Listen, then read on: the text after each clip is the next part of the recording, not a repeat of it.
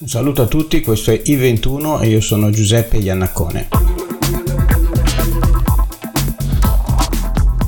Episodio 11 di I21, una conversazione con Giulio Tremonti sulle crisi presenti e potenziali innescate dalla globalizzazione e dalla rivoluzione digitale.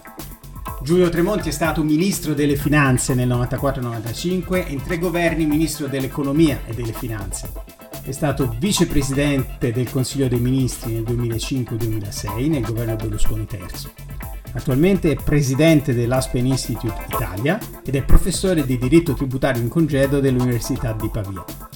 Parleremo di questi temi a partire dai suoi ultimi due libri, Le tre profezie per l'editore Solferino e Mundus Furiosus edito da Rizzoli.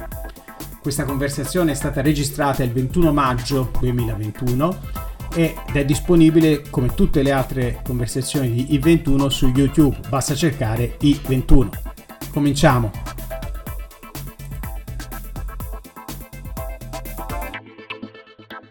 L'argomento della conversazione di oggi è la, la globalizzazione, la rivoluzione digitale e soprattutto la, l'insieme di crisi diciamo, possibili e ormai già attuali che questi due fenomeni stanno portando in Italia, in Europa e nel mondo in generale. Lo facciamo partendo dall'ultimo libro del professor Tremonti, Le tre profezie, edito da Sofferino, che in realtà eh, diciamo, riprende, amplia eh, temi che eh, il professor Tremonti ha trattato anche in libri precedenti. Sempre, ha sempre avuto un, una visione critica della globalizzazione. Ormai la critica della globalizzazione è una cosa in generale abbastanza di moda, ma insomma lui può dire io l'avevo detto da prima e ne ho le prove scritte, direi. Eh, prego. Il, il, titolo del libro, Le tre profezie, è in qualche modo enigmatico. Allora comincio presentandovi i tre profeti sono Marx, Goethe e Leopardi.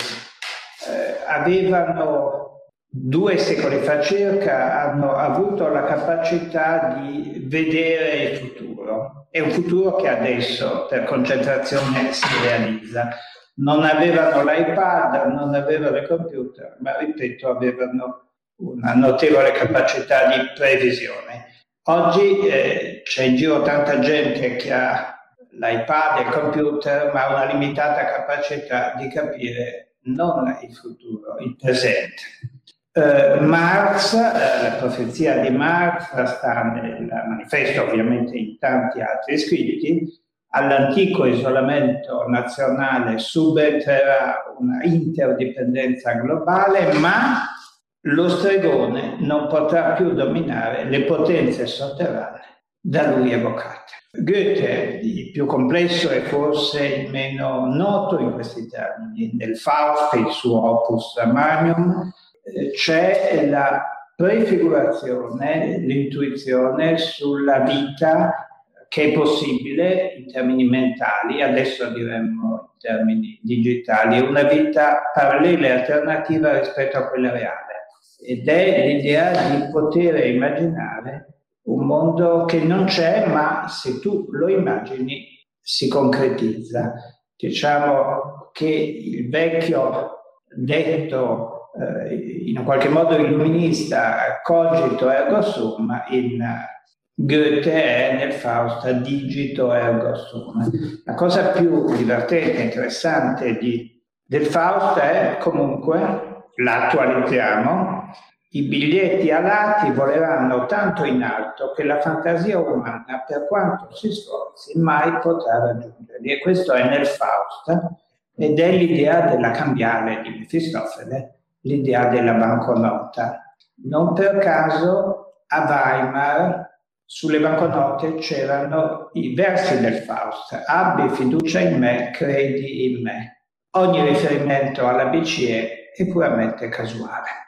E l'ultimo è Leopardi. Leopardi è noto come poeta, io pensavo fosse solo un poeta, la ginestra all'infinito, eh, nello Zibaltone c'è una infinita quantità di intuizioni filosofiche, politiche e Leopardi viene crescentemente considerato e apprezzato, più ancora che da noi in America. E Leopardi è sceso nella biblioteca il padre è sceso nei segreti della umanità, della storia e mi ha tirato fuori una idea, credo, fondamentale.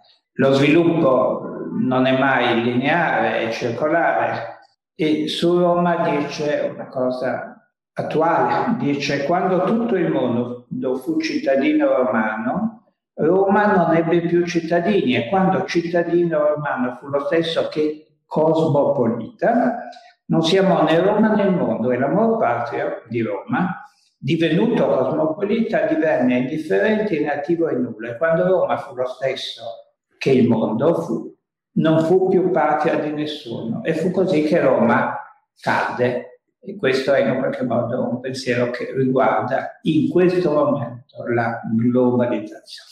Sono cose di cui mi sono occupato, argomenti per tanti anni.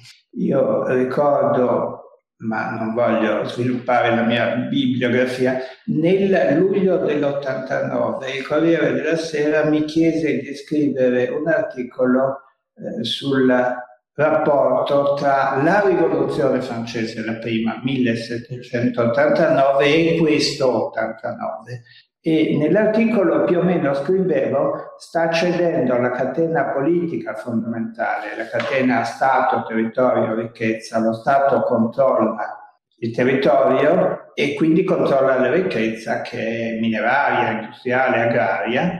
Controllando la ricchezza ha il monopolio della forza, batte la moneta, riscuote le imposte, le leve militari, dice la giustizia. In quell'articolo l'avevo notato facendo l'avvocato, eh, vedevi che la ricchezza si stava lentamente staccando dai vincoli territoriali, stava entrando nella Repubblica internazionale. Per inciso, era un ragionamento su come far pagare l'IVA a Londra. Eh, il Corriere intitolò quell'articolo molto meglio il titolo del testo, una rivoluzione che svuoterà i parlamenti. E questo era nel luglio dell'89, prima ancora della, della caduta del muro di Berlino, che accelera la storia. Credo mai nel corso dell'esperienza storica un cambiamento così forte è avvenuto in un tempo così breve. 89 cade il muro, eh, nel 94 a Marrakesh in Marocco viene fatto il trattato WTO, che non è un trattato commerciale, mercantile, è un trattato politico. Tutto il mondo unificato da una unica geografia mercantile piana regolata dalla democrazia. Poi nel 2001 l'Asia entra nel WTO, la Cina, nel 2008 la crisi, la prima quella finanziaria e poi da ultimo la, la pandemia. Io penso che questa cascata di fenomeni intensissima, guardiamo com'era il mondo 30 anni fa, c'erano i telefoni fissi, i confini, non c'era internet, era un mondo radicalmente diverso. Secondo me migliore di quello di adesso, ma è un'opinione personale. Tutto accelera e si sviluppa nella logica della globalizzazione. Io ho conosciuto gli illuminati che ne disegnavano il tracciato. Adesso, per esempio, c'è un nuovo libro di Fukuyama, il filosofo di corte della globalizzazione, che diceva è la fine della storia. Mi pare come di capire che la storia sta tornando con gli interessi arretrati accompagnata dalla geografia era un mondo nel quale si pensava di creare l'uomo nuovo, con le leggi che lo rendevano politically correct, e appunto un mondo nuovo ispirato dal mercato e dalla democrazia. Anche verso la Cina, nella retorica del WTO si diceva la Cina è in cammino verso lo sviluppo, è in cammino verso la democrazia. Verso lo sviluppo sì, fin troppo. Verso la democrazia magari c'è qualche dubbio ancora adesso.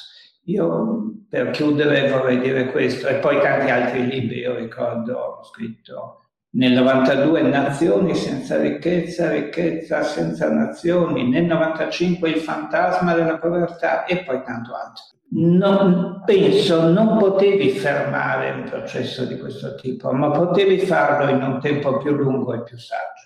Eh, non era detto che il WTO fosse nel 94, eh, che l'ingresso dell'Asia fosse nel 2001. Quello che è venuto velocemente è stata la crisi finanziaria e adesso la pandemia. Non affermabile, ma forse una rivoluzione storica realizzabile in modo più lungo e, e più saggio. Non tutto male ovviamente, però anche c'è un lato oscuro. Lato oscuro è l'inquinamento, non tanto il cambio climatico, secondo me, che non è dovuto a cause umane e l'asse terrestre. Se uno mi dice che non è vero, mi deve spiegare perché si chiama Groenlandia, che deriva da Grönland, che vuol dire terra verde ma certamente l'inquinamento è crescente ed è portato dalla esasperata globalizzazione. E poi adesso i disordini. Eh, per finire, quando la storia fa una svolta, puoi avere gli angeli ma anche i demoni. E uno di questi è certamente stata la, la pandemia. Eh, non è il caso di, non, so, non siamo in grado di capire quali cause, in che termini, però eh, è evidente che la pandemia ha modificato, ha inciso sulla globalizzazione, sul suo software. Eh, ci è stato detto, ho letto scritto, la pandemia genera una tragedia umana di proporzioni bibliche. Che sia una tragedia sanitaria è vero, ma nella Bibbia le tragedie sono molto più pesanti e diverse. In ogni caso è un magazzino miti, di leggende della Bibbia. Eh, c'è il diluvio universale, il paradiso terrestre. Io chiudo con questo. La pandemia ha agito modificando il meccano mentale della globalizzazione. Nella Bibbia la cosa più vicina è la torre di Babele. L'uomo si unisce, eh, gli uomini costruiscono una torre sempre più alta sfidando la divinità, la quale divinità si arrabbia e gli toglie la lingua unica. Togliete lingua unica e mettete pensiero unico.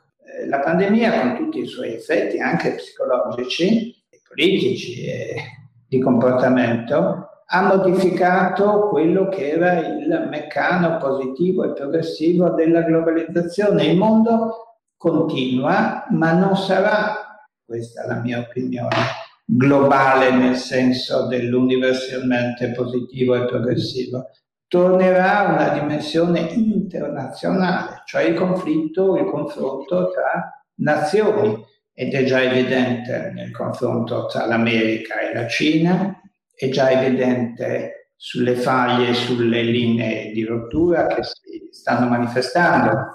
Il, Pacifico è meno pacifico di quanto fosse anni fa, l'Artico diventerà il luogo del confronto per le rotte commerciali tra potenze eh, diverse, il prezzo delle materie prime è esploso per il fatto che si sono rotti eh, i vecchi equilibri, è riapparsa l'inflazione con tutti i rischi che tutto questo comporta.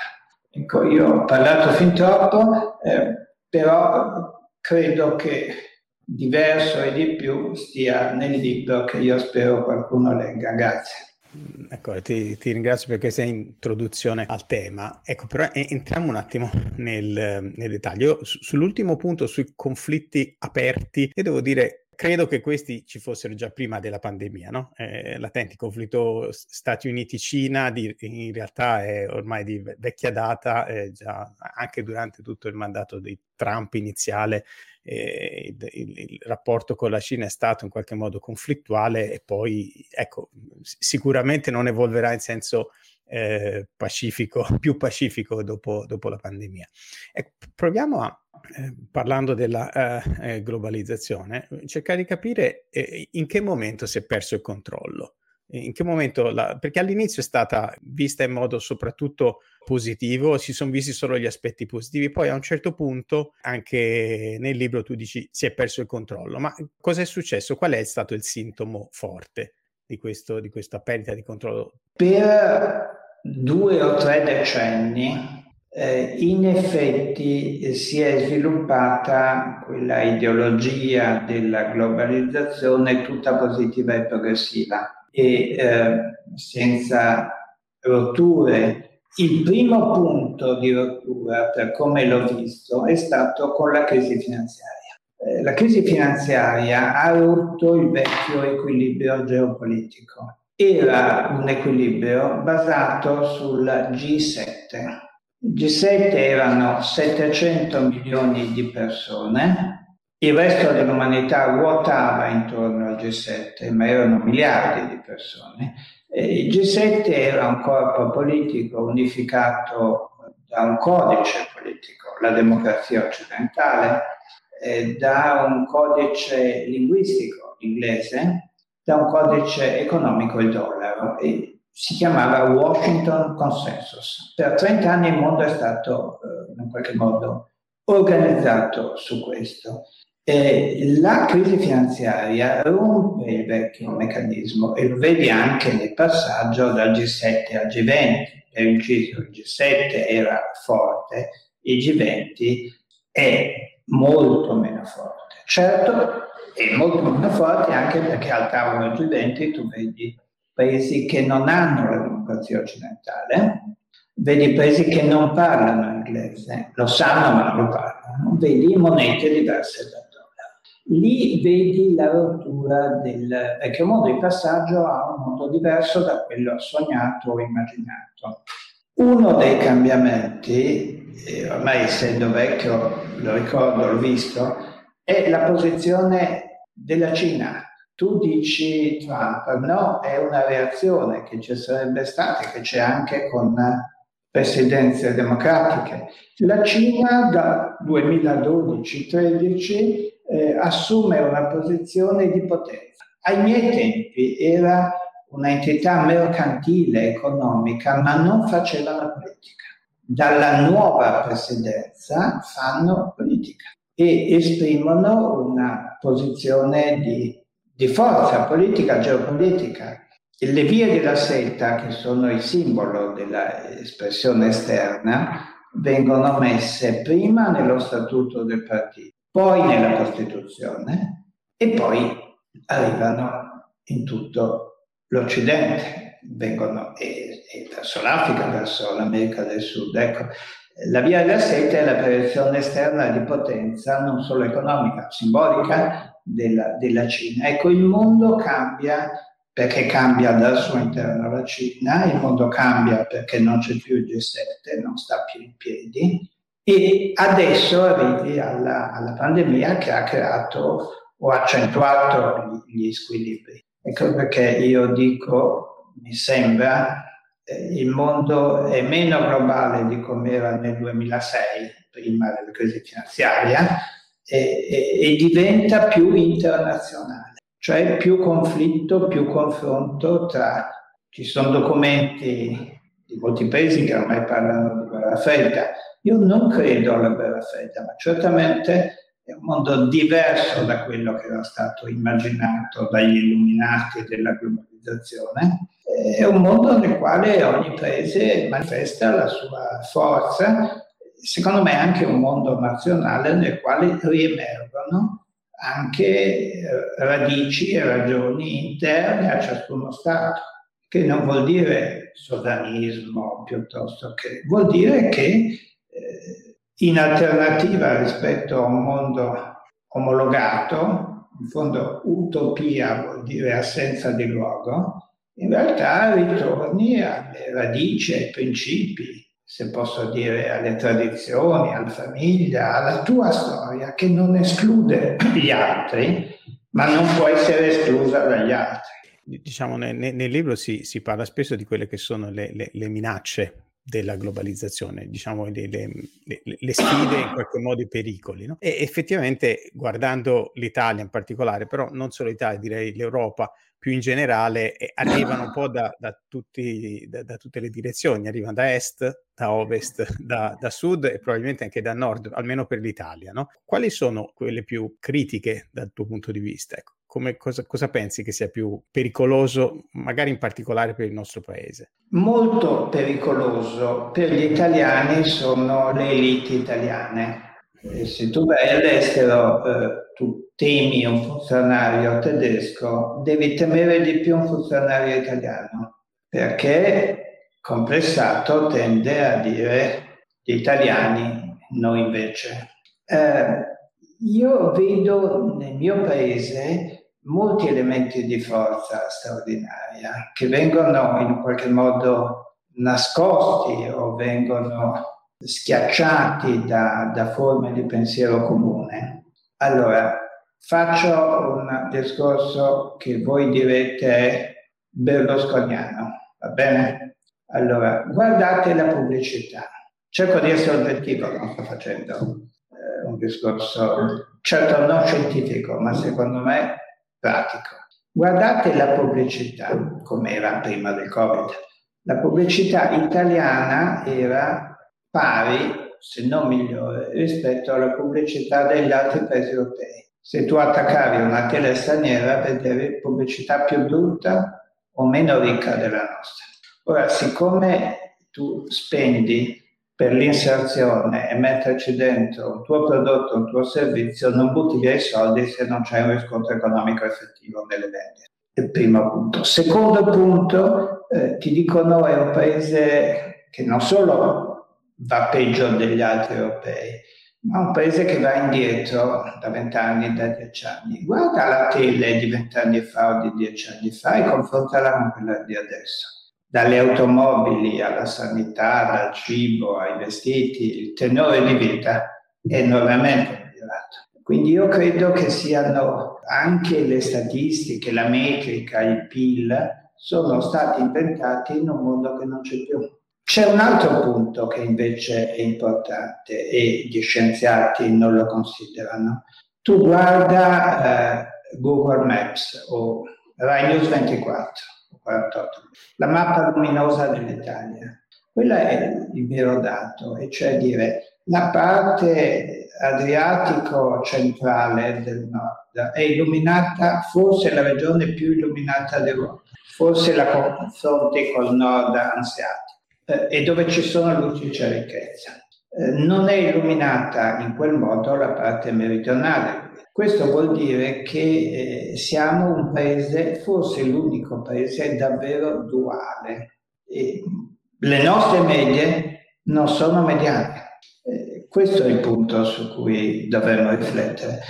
La nostra criticità sta nel fatto che abbiamo una parte super ricca e credetemi molto più ricca delle statistiche perché non c'è industria italiana che non abbia la holding all'estero, la trading all'estero, i conti fuori. Eh, la parte restante dell'Italia è quella che va sviluppata, questo è il punto. Però se ti dicono un paese in declino, così via, probabilmente risponde a una logica che non è reale, che è strumentale se fosse vero che decliniamo da vent'anni, probabilmente non saremmo nelle condizioni in cui stiamo, in cui la produzione industriale va bene comunque.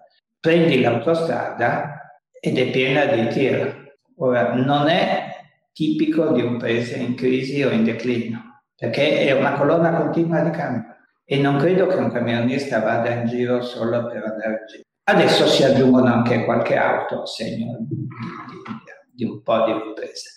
Ecco, eh, noi abbiamo certamente un punto di debolezza di criticità che siamo residuali e dobbiamo unificarci.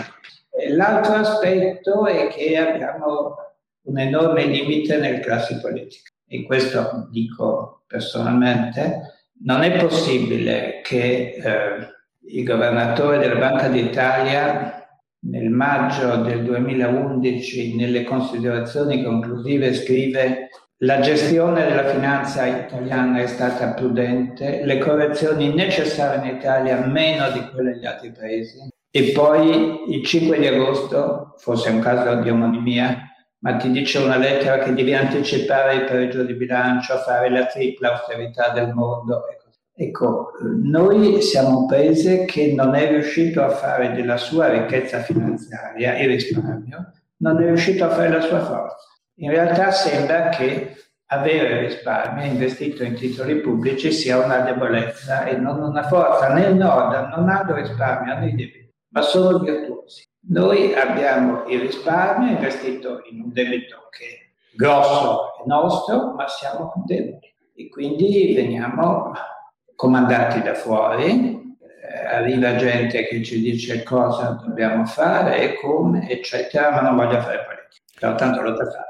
No, ma io devo, devo, dire, ecco, però mi vengono un paio di domande, no? Perché io in, in realtà dire, condivido un buon giudizio di fondo su, su fondamentali del paese, ho un sacco di paura per tante cose, però ecco, mi piacerebbe capire come si concilia questo, quindi questo ottimismo di fondo sul paese con questo, eh, non voglio dire grido d'allarme, ma insomma questo allarme su, sul pericolo della globalizzazione che poi c'è eh, nei, nei, nei, libri. Come si conciliano le due cose? Ma quello, quello è generale, mm-hmm. e cioè dire la mia impressione è che in progressione, vedete, tutto inizia quando cade il muro di Berlino, quando cade il muro, internet, che era chiusa nei forzieri militari, viene liberata e chi l'ha usata all'inizio dice eravamo un gruppo di giovani in un garage, non avevamo capitali ma avevamo una visione. Anche al Dipartimento di Stato avevano una visione e internet e la rete vengono utilizzate come veicoli, come strumenti per diffondere i valori dell'Occidente in un mondo che allora era ancora diviso dalla cortina. E sulla rete si inventa la ricchezza in una progressione impressionante. Eh, ai miei tempi, per un'operazione reale, la compravendita di un barile di petrolio, di una, eh, di una di una malla di, di cotone, c'erano 4-5 operazioni finanziarie. Il prezzo, eh, l'assicurazione contro i rischi di cambio di tasso, perché eh, volevi evitare di essere danneggiato, volevi il prezzo di quel bene, non volevi la speculazione finanziaria, gli effetti finanziari, l'assicurazione sul prodotto. E allora, vedete com'è cambiato il mondo, quelle operazioni di assicurazione si chiamavano hedge, vuol dire assicurare.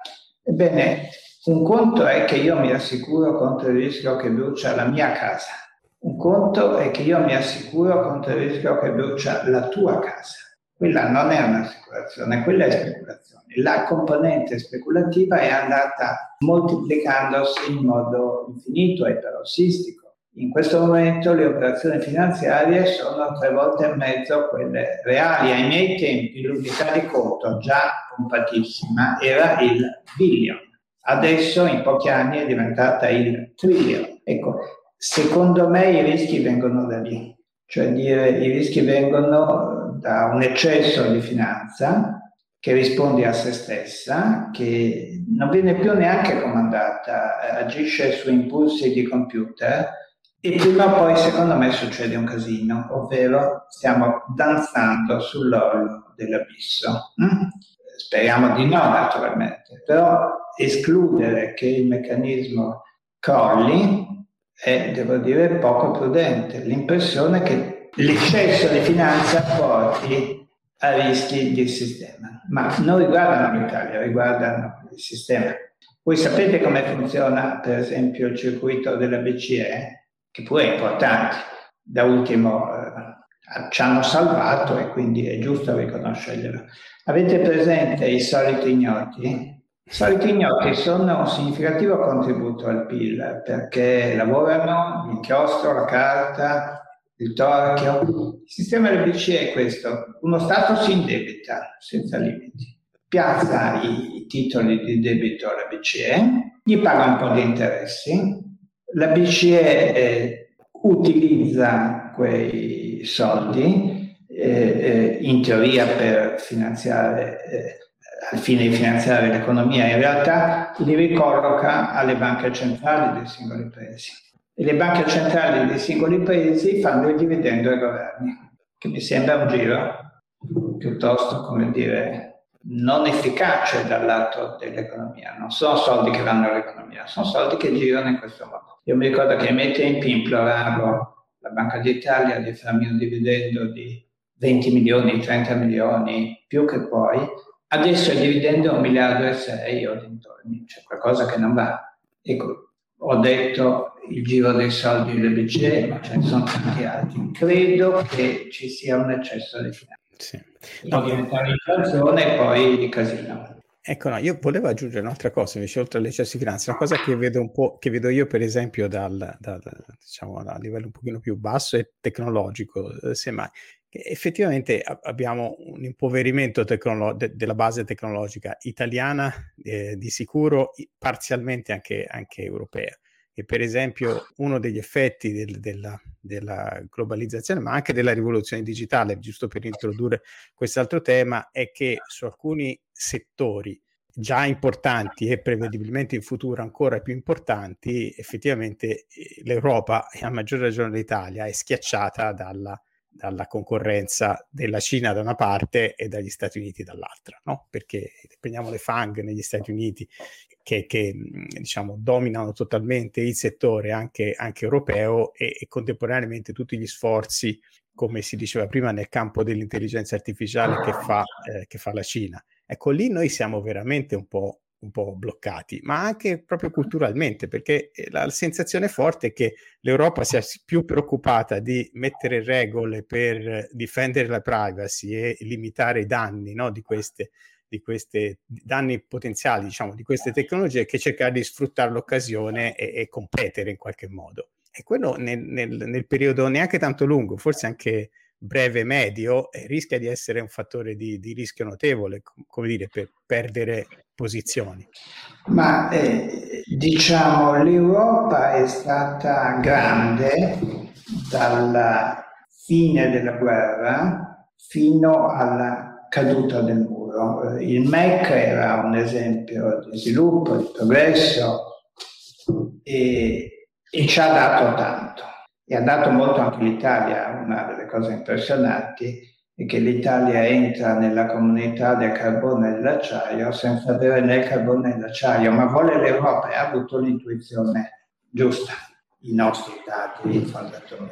Eh, dalla caduta del muro fino alla crisi, in effetti l'Europa ha fatto cose importanti ma anche cose negative eh, del tipo, eh, dico le critiche che facevo io, primo, fare la banconota da un euro come il dollaro. Se vuoi fare una moneta globale non fai la monetina globale, fai come il dollaro.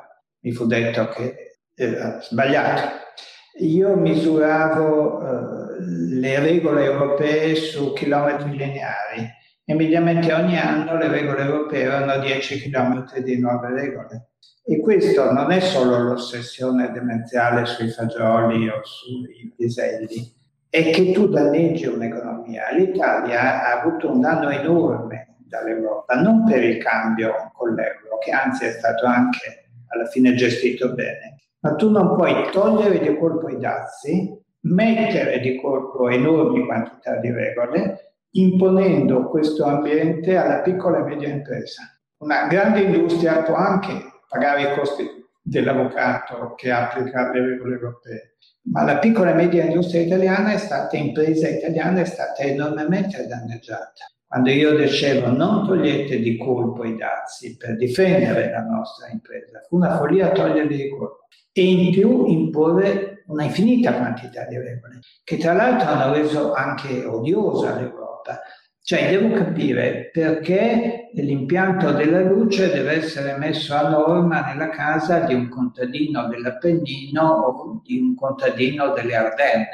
Eh, tu devi unificare le cose che hanno un rapporto comune. L'America hanno normalizzato le ferrovie, eh, non, non normalizzi gli impianti della luce eh, prima della Brexit l'Europa stava facendo la direttiva che normalizzava tutte le toilette europee, cioè dire in nome della di acqua, i gabinetti, i bidet, ammesso che ci fossero d'Europa, devono essere tutti uguali.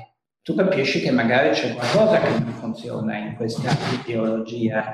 E l'Europa ha fatto la globalizzazione, l'allargamento, ha fatto anche un sacco di errori.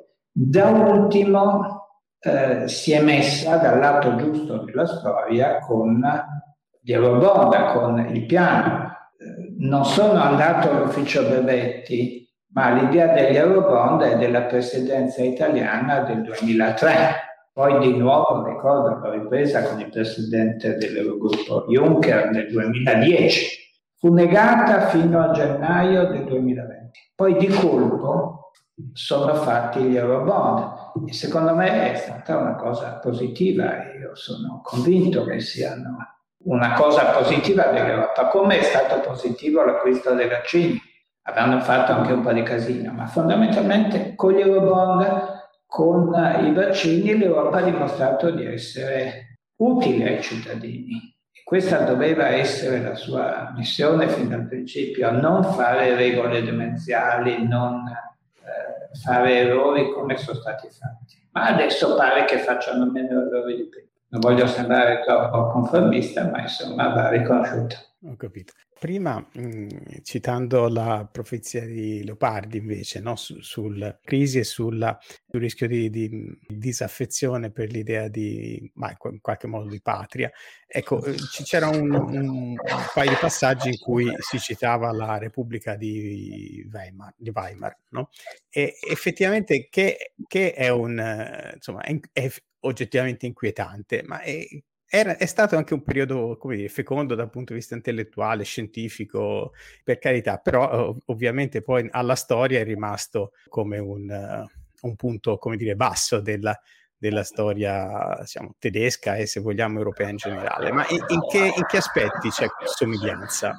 Ma eh, Weimar è il luogo, se vogliamo, del casino anarchico più assoluto c'era gente che andava in giro per strada con al guinzaglio uno struzzo, eh, c'era la dissoluzione dei costumi, eh, c'erano, c'è stato un po' di tutto. Weimar è comunque evidente nella crisi finanziaria, cioè dire nella perdita di valore della moneta, che non è un fatto astratto, tu avevi un solido risparmio tedesco, scomparivano da un giorno con l'altro i, i tuoi soldi. Ecco perché dicevo di Goethe, del Faust, che poi è un po' questa storia, ispirato da, da, da Lucifero o da Mefistofele, non mi ricordo quale dei due, va dal re e gli dice eh, il regno è in crisi ma ho la soluzione per uscire dalla crisi. E il re dice, bravo, bella dimmi, dice, eh, per diritto romano l'oro che sta nel sottosuolo appartiene al sovrano, ma io non ho i soldi per pagare i minatori che lo scavano. E il, il diavolo dice, ma qual è il problema? Non è necessario che tu scavi l'oro, è sufficiente che tu dica che l'oro c'è. La gente ci crederà, tu lo stamperai sulla cambiale di Mefistofele, che è l'antenata della banconota, e il problema sarà risolto. Ecco, Weimar è un caso in cui eh, si è creato denaro da nulla, si è stampato in continuo fino a che il denaro non ha più avuto valore. Io in questo momento vedo, spero di no, ma vedo elementi di, di, di, di, di follia nella creazione. Quando ti dicono che il debito è buono, eh, un religioso ti dice non esiste il peccato buono, il peccato è sempre peccato. Ora, c'è stato un periodo nel quale si diceva il debito fatto per investimenti è la golden quindi va bene, è possibile. Però che il debito in assoluto sia buono, eh, io ho dei dubbi, anche perché sarà pure buono, ma è cattivo per, se tutto sta in piedi, per i tuoi figli. Io, ecco, vorrei che ci fossero più elementi di serietà e di responsabilità che non nell'annuncio il debito è buono, il debito è sostenibile, tanto i tassi sono a zero, anzi sotto zero. Come diceva Marx, che forse in alcune application di altri, ma ci prendeva, disse il tasso zero sarà la fine dell'economia capitalistica. Siamo ai tassi sotto zero per, per diciamo, prepararmi a questa conversazione sono andato a guardare un po' di libri precedenti. Il precedente, Mundus Furiosus, tra l'altro una locuzione che effettivamente molto bella e seducente, è la, la paura e la speranza, per, perché in realtà insomma, si nota che di fatto insomma, viene quasi da dire che più o meno è sempre eh, un rinnovamento dello stesso libro, no? di fatto ogni volta si riprendono i primi temi e poi si aggiornano e si, si arricchiscono eh, anche sulla base di quello che è successo. E però sono andato a guardare un po' di differenze no? e allora vengo a chiederne conto in qualche modo, no, giusto per curiosità, perché su alcuni, su alcuni aspetti sembra che, che in qualche modo il pensiero sia cambiato, no? mi piacerebbe capire, capire perché. Eh, per esempio nella paura e, e la speranza c'è una forte preoccupazione sulla uh, curva demografica nazionale. Viene citata più volte e, e devo dire una preoccupazione che condivido, io penso quella sia gra- gra- la, la, più grande minaccia da dentro che abbiamo noi come, come paese e devo dire anche come, come, nazioni europee perché più o meno siamo accomunati da, questo, da questa situazione ehm, diciamo poco, poco, poco rosa per il futuro. Mentre invece nel, nelle tre profezie io ho cercato, visto che con, con, libri elettronici si fa presto a cercare la, le singole parole, ho cercato demografia, compare due volte il problema associato alla Cina però, mai al, all'Europa. Ecco, cosa è cambiato nel modo di, di, di, di, vedere il problema, di leggere il problema?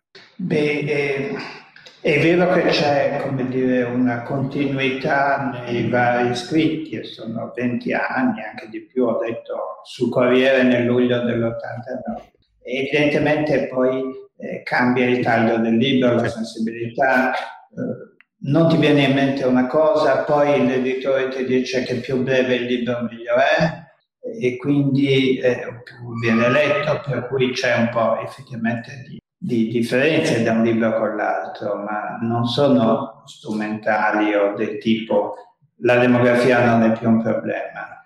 Eh, la demografia è sempre stata oggettivamente un problema. Certo, era un modo, io mi ricordo nella Paura e la Speranza, per inciso, è il libro che dice che arriva la crisi, e infatti sarebbe arrivata la crisi finanziaria, quella del 2008. E lì eh, mi ricordo iniziava dicendo un mondo strano dove un viaggio a Londra costa meno del carrello della spesa e quindi è un mondo in cui avremo più telefonini e meno bambini, quindi c'era anche un po' di, di demografia, eccetera. No, da noi io credo che quello della demografia sia un tema drammatico in assoluto, ma è drammatico soprattutto eh, nel caso della Cina, perché la Cina ha un enorme blocco demografico, geografico all'interno. Google Maps, guardi, la costa è illuminata, all'interno è un buco nero, è nera, però ci sono dentro 800 milioni di, per la prima volta nella storia, di anziani.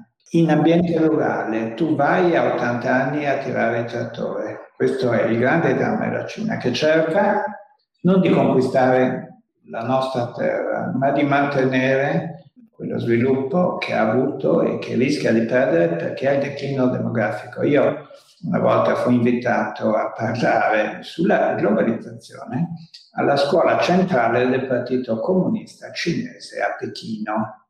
Il giorno dopo fui invitato per una conversazione con il presidente della scuola in Cina, che è tutto eh, eh, come dire, ideologico, il partito conta più di tutto, più del governo, e, e, e, la scuola conta ancora più del partito, che è il cervello. Eh, vado e incontro il presidente della scuola, che era il vicepresidente della Repubblica, attualmente il presidente della Repubblica. Discussione, mi ricordo, uomo di grande classe, eh, intelligente, quel che lei, e comunque gli interessava come era strutturata l'Europa, perché la Cina è fatta da province. E, e, comunque la discussione chiude con questa frase, vorremmo diventare un po' ricchi prima di diventare troppo vecchi. E questa è, nella sintesi di una frase, il, problema che, che, che ha la Cina, il grande problema che ha la Cina, ed è la frase di uno statista. Eh, vorrei vedere chi è capace di fare frasi simili dalle nostre parti. Eh, sì, di sicuro c'è più consapevolezza del problema in Cina che, che, che a dire in generale in Europa. In Europa il tema effettivamente viene, viene molto molto poco, poco toccato. Ecco, un'altra cosa dove ho notato una differenza è l'importanza delle istituzioni europee. C'è un passaggio nella Paura della Speranza dove mh, si propone che il Parlamento europeo abbia iniziativa legislativa. No? E io a un certo punto leggo quella cosa come un desiderio di più Europa. No?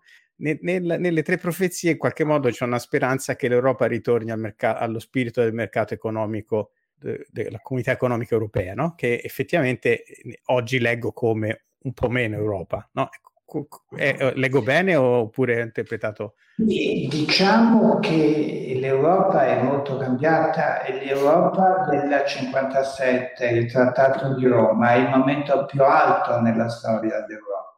Prima di firmare il trattato invocano la divina benedizione. In un qualche modo ci riescono, l'esperimento del mercato è straordinario. Tra l'altro, guarda la foto chi firma, è in bianco e nero, ma sono uomini, sono, hanno fatto la guerra, la resistenza, le biblioteche. Guarda le foto di adesso, si chiamano family photo, sono in bianco e nero, ma non ti dà la stessa idea di pensiero, di, di solennità che ti dava quel tipo di Europa. E io ho cercato di, eh, torno a dire, chi propone la banconota da un euro, sapendo che caos avrebbero fatto le monetine.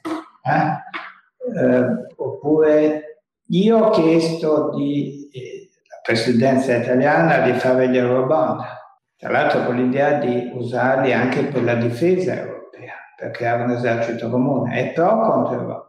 Chi dice che si fanno troppe regole demenziali? È pro contro l'Europa? Era un'Europa che voleva dare le sanzioni alla Germania, che era già in deficit eccessivo. Dare le sanzioni alla Germania nella storia porta sfortuna. E non furono date perché era ingiusto darle, era pro contro l'Europa. Torno a dire eh, tante altre cose. Eh, adesso vedi oggettivamente i cambiamenti, però vedo anche una grandissima superficialità ancora. Guarda la foto e confrontala con quella del 57. Beh, erano chiaramente giganti temprati. L'Europa non è fatta, cioè quello che io, l'Europa è stata fatta da, certo anche da fattori, valori economici, ma è stata fatta dalla cultura, dal pensiero, dagli ideali. Gli scritti più belli sull'Europa sono di Paul Valéry, che è un poeta, ma ha scritto sull'Europa. È stupendo il saggio di Camus, Atene 1955, sul futuro dell'Europa. L'Europa non può essere complessa nel tasso di interesse come è adesso, come è stata. Deve avere un profilo culturale, morale superiore, fatto anche dagli uomini. Troppi uomini si sono occupati del tasso di interesse o della prospettiva di fare carriera andando, finito il mandato, di andare a lavorare una banca d'affari. Mm? De Gasperi non l'ha fatto. Beh no, De Gasperi no una, c'è, c'è, un altro passaggio che, che, secondo me, ecco, in quel tempo era, come dire, direi abbastanza anticipatorio di quella che poi in realtà è stata una tendenza, è un passaggio uh, in, in, cui si propone di bloccare l'attività dei fondi sovrani, ok? E che, che, invece in realtà negli ultimi 15 anni è veramente diventata molto più um, anche aggressiva da un certo punto di vista. E perché i fondi sovrani sono diciamo, probabilmente fanno parte di, quel, di, quell'importanza eccessiva che ha la finanza rispetto all'economia. Cos'è che, perché drogano il sistema in pratica? Dunque, eh, eh, i fondi sovrani, come dice il nome stesso, erano il braccio finanziario degli stati, quindi non erano entità economiche, erano entità politiche, pubbliche. Ci sono fondi sovrani, tra virgolette, buoni, supponiamo i norvegesi prendono il petrolio e la mettono nel fondo sovrano giapponese, eh, norvegese. E altri fondi sovrani sono invece il braccio di potenze straniere, a volte eh, utile, a volte è un braccio che viene usato per portarti via tecnologia, know-how informazioni quello che allora era un obiettivo adesso è raggiunto perché l'azione dei fondi sovrani anche in Europa viene, viene limitata, viene bloccata. L'Europa è passata dalla logica del fair trade, tutto ciò che di mercato è libero, alla logica, scusate, del, del free trade, tutto è libero, alla logica del fair trade, cioè un mercato un po' più corretto. Per inciso, e finisco, eh, Dopo la grande crisi del 2008 si confrontano due visioni politiche. la visione del governo italiano, mia in parte anzi, ed era servono regole per l'economia, servono regole che rendano il mercato non libero ma regolato. E fu scritta una bozza di trattato multilaterale, si chiamava Global Legal Standard e fu votata dall'Assemblea delle Rose. Si confrontava con un'altra idea, non servono regole per l'economia, bastano alcuni criteri per la finanza e eh, i criteri per la finanza devono scriverli i finanzieri che se ne intendono di finanza più degli altri. E si chiamava Financial Stability Board. Per inciso, stiamo parlando 2008-2009, il presidente del Financial Stability Board era Mario Draghi. Vince il Financial Stability Board e infatti non ci sono state regole per l'economia, lo sviluppo della finanza. Sono andato a rivedere il vecchio Global Legal Standard. All'articolo 4, dieci anni fa, c'era scritto rispetto di regole ambientali e igieniche. Vi dice niente rispetto a quello che è successo? Magari non sarebbe stato decisivo, ma è il principio di una riflessione sul mondo che ti porta anche a cose tipo la pandemia. Eh, ecco, proprio sul Global Gas Standard, io l'ho, l'ho, l'ho, letto perché nel libro è riportato, no? cioè, insomma, in, in, fondo è riportato in dettaglio. Onestamente, leggendolo oggi sembra, sembra un insieme di, di come dire, eh, posizioni molto ragionevoli, onestamente. Cioè, no, ecco, quello che mi piacerebbe capire è perché all'epoca fu cioè, cos'è che all'epoca non piacque del Global Liga Standard? Perché letto oggi sembra tutto sommato, eh, come dire, di- difficile da non condividere, mm, cioè, non, non, non, vedo punti come dire, di rimenti, ecco, non so, magari sono cambiate le cose, ma dov'è? Qual è, quale fu il punto all'epoca? Non è che non piacesse il Global Liga Standard, fu anche votato dall'Ocse, ma piaceva ancora di più la finanza di Wall Street. Fu più forte della politica e, ripeto, fu decisiva per archiviare il povero Global Legal Standard, che invece secondo me era la cosa giusta.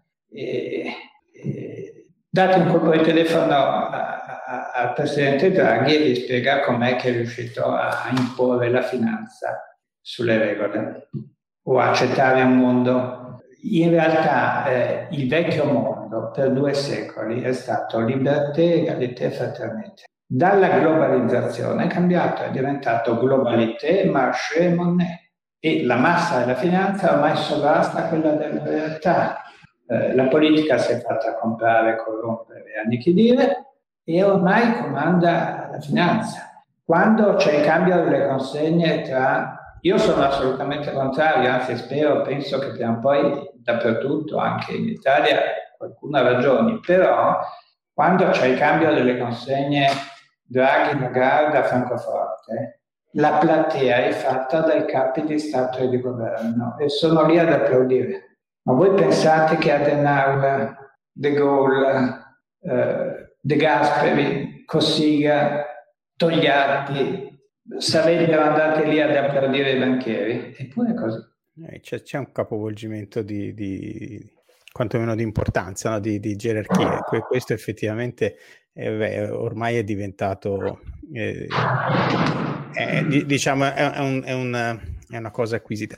Ecco, un, un'altra cosa, sul, nella paura e la speranza c'è una previsione che non, non, mi, mi, pare non abbia funzionato, no? Ecco, però è divertente magari parlare. C'è una previsione forte sull'inflazione in quel momento eh, perché in qualche modo si dice beh, eh, sta emergendo l'Asia, la Cina è desiderosa di materie prime e di, di, beni in generale e quindi arriverà una, una, forte inflazione. E invece c'è stato un effetto totalmente deflattivo della globalizzazione, no? Ora magari eh, misto, nel senso che alcune cose sono andate giù, in alcune fasi le materie prime invece sono effettivamente, effettivamente salite e insomma, cosa è successo? E, effettivamente... Diciamo che eh, la paura fu scritto nel 2007 e nel 2006 su Corriere avevo scritto un articolo intitolato L'America rischia un nuovo 1929.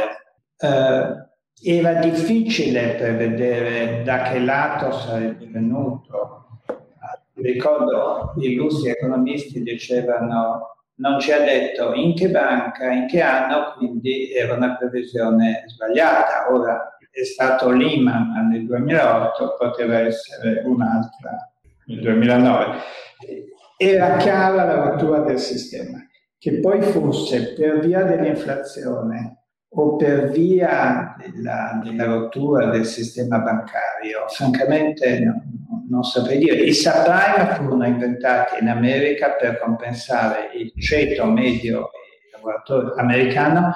I, I, capitali andavano in Asia, si perdevano posti di lavoro, ma gli dissero la tua casa non vale 10.000 dollari, vale 30.000 dollari. Su questi fai un mutuo e con quello eh, ti compri il gippone, mandi a scuola i bambini, eccetera. I subprime furono inventati per creare una ricchezza fasulla. Quando scoppia, la mano, gli economisti dicevano la mano invisibile del mercato, io l'ho visto in una notte fu sostituita dalla mano visibile dello Stato che nazionalizzò tutto. Da lì eh, cominciano a stampare moneta. Lo chiamavano helicopter money, soldi distribuiti e ha continuato così. Non c'è stato un effetto di inflazione, ma c'è stato un effetto di esplosione della massa monetaria. Eh, rischio che succeda di nuovo? Sì. Da che parte? Non lo so. Può essere nelle banche, può essere da un'altra parte, questo francamente non so, però torno e spero di no, ma temo che stiamo di nuovo danzando sull'oro dell'abisso. Eh, Dopodiché speriamo di no, andiamo in chiesa, preghiamo e, vorremmo tutti che, che questa è una, è una, ovviamente è una preoccupazione forte e, e diciamo la, la, cosa che traggo, il diciamo, residuo secco più importante che traggo da questa con- conversazione è proprio la, la, l'attenzione al pericolo della, della, eccessiva importanza della finanza. Mi sembra questo sia il leitmotiv un po', un po di tutto, più che la rivoluzione digitale, più che, eh, voglio dire, le istituzioni europee, proprio la, finanza eccessiva e, e insomma è quello che, che porto a casa io, diciamo, in modo particolare dalla conversazione. E, d'accordo, io eh, eh, ringrazio di nuovo il professor Tremonti per aver partecipato, abbiamo detto di chiudere in un'ora e, e manteniamo la promessa, tutti quelli che hanno assistito alla, alla conversazione che, e che la vedranno su, su, YouTube e su Facebook dove ovviamente rimarrà e grazie ancora. Grazie a tutti, grazie.